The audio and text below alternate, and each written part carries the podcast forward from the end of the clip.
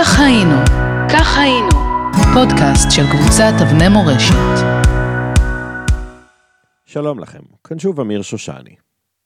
היום אני מתכוון לספר לכם על מפעל העפלה שפעל בחסות לא אחר מאשר אדולף אייכמן, ועל ירי בתוך הנגמ"ש. מרגע שעלו על ספינת המעפילים הקטנה, לא קראו פאול לוי וסטפני ברונר עיתונים. אולי טוב שכך, שכן כינויי הגנאי שהוענקו להם על ידי אחד העיתונים, היו מעליבים ופוגעים למדי. נערות רחוב קראו להם, אנשי גיס חמישי, ואלה היו רק שניים מתוך שמות הגנאי המדוברים, שלא נבעו כמובן מתחקיר עיתונאי מעמיק, אלא היו דרך מקובלת להביע מחאה על כך שספינת המעפילים שלהם יצאה לדרכה בברכתו ובעזרתו של אדולף אייכמן, שנעזר בנוצרי אחד, אולי מוטב לומר יהודי מומר, בשם ברטולד שטורפר. כן רבותיי, גם דברים כאלה קרו במלחמת העולם השנייה. אנשי המוסד לעלייה ב' שפעלו מטעם ההנהגה הציונית לא אהבו מי יודע מה את שטורפר. לטעמם, הוא כרת ברית עם השטן, והם טרחו להפיץ את המידע החשוב בכל דרך. העובדה שהוא הציל מציפורני הנאצים אלפי יהודים לא עמדה לזכותו, לפחות בעיניהם. כמובן שדי היה בעמדה הרשמית הזו כדי לתת לעיתונאים את הזכות המפוקפקת להטיל דופי ב-702 העולים ללא שום ביסוס. את פאול וסטפני זה לא כל כך עניין. הם היו כל כך לחוצים להתחתן, עד שלא עברו חמישה ימים מתחילת ההפלגה, וכבר העמיד הבחור פאול חופה על סיפון הספינה, וקידש לעצמו את הבתולה סטפני בטבעת זו. הרב ברך את השניים על הקמת בית נאמן בארץ ישראל, אליה הם יגיעו בעזרת השם תוך יום-יומיים.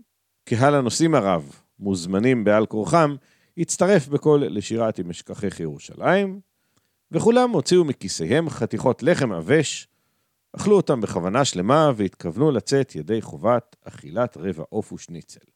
אף אחד מהעומדים על הסיפון לא שיער איזו הרפתקה מפוקפקת הם עומדים לעבור, ועד כמה יהיו קצרים נישואי הזוג הצעיר.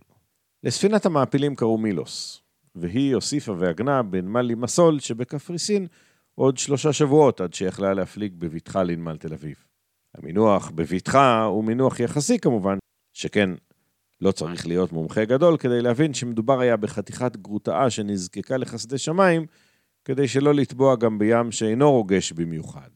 מי שלקח בחשבון גם את העובדה שלספינה לא היה אישור עגינה מטעם השלטונות הבריטיים, הבין שחסדי שמיים הם מצרך מאוד מבוקש בנסיבות העניין. כמובן שניסים לא קורים כל יום, וכך ביום שלישי לנובמבר 1940 נכנסה המילוס לנמל חיפה, כשהיא מלווה בספינת משמר בריטית מאיימת. יחד איתה נכנסו לנמל עוד שתי ספינות מעפילים. נושאי הספינה היו מוכנים לתרחיש, וציפו לרדת אל החוף, להיכנס למחנה מעצר בעתלית ולהיות משוחררים ממנו בהדרגה, על חשבון הסרטיפיקטים כמקובל באותה עת. הפתעה מסוימת אחזה בהם כאשר הבריטים העבירו אותם מהספינה הקטנה והרעועה שלהם לספינה גדולה ומרווחת בהרבה. התמימים ביניהם אף החלו ליהנות מתנאי השירות החדשים. ברם, תוך זמן קצר, הפכה הנחת הרווחה להנחת ייאוש, כשנודע להם שהאימפריה הבריטית מתכוונת לקחתם למחנה מעצר במאוריציוס. מדובר היה בהתפתחות חדשה, מפתיעה ומאיימת, ולנוסעים המותשים לא היה הרבה מה לעשות כנגדה, חוץ מאשר לשבות רעב. הנהגת היישוב מצידה סברה שהנכון ביותר בעת הזו יהיה הבלגה. מקסימום שביתת הזדהות עם סבלם של העולים. שייסעו למאוריציוס. האם הושפעה ההחלטה מכך ששנוא נפשם שטופר היה מארגן ההפלגה? אתם תחליטו, אני רק מביא את העובדות. הנוסעים האומללים, כאלפיים במספר, רוכזו בינתיים על סיפונה של הספינה, פטריה שמה, כשהם מכינים את עצמם, נפשית לפחות, להפלגה ארוכה ומתישה, ולשהייה ארוכה ארוכה במחנה מעצר מרוחק. הם לא ידעו זאת, אך שני ארגוני מחתרת לא קיבלו עליהם את רוע הגזרה. אחד היה ארגון האצ"ל, והשני, ארגון ההגנה. ביום 25 בנובמבר החריד פיצוץ עז את האונייה, יציר כפיו של מוקש שהעלו לתוכה אנשי ההגנה. אנשי האצ"ל, אם התעניינתם, איחרו לפעול, וכך, אה, כפי שתבינו, נחסך מהם הביזיון. או אז התברר גודל האסון. המוקש היה גדול הרבה יותר מהדרוש, החור שניבא בספינה היה גדול מדי, ותוך דקות שקעו חלקים גדולים ממנה אל תוך המים. אילולי היה הנמל רדוד, הייתה הספינה שוקעת למצולות על כל אלפיים נוסעיה. אך גם כך נטטה הספינה על צידה, ונוסעים רבים, שחלקם כמובן לא ידעו לשחות, צריכים היו להציל את עצמם. אחת הניצולות סיפרה, טיפסתי וחתכתי לי את הידיים. הדם שתת ממני. אדם אחד פתאום מעד ונפל עליי בעוצמה כזו ששתי שיניי הקדמיות נשברו. נצמדתי עם הידיים בכל כוחי והמשכתי לטפס. לבסוף, היא ממשיכה לספר, הגעתי עם עוד שישה אנשים אחרים לחלל קטן.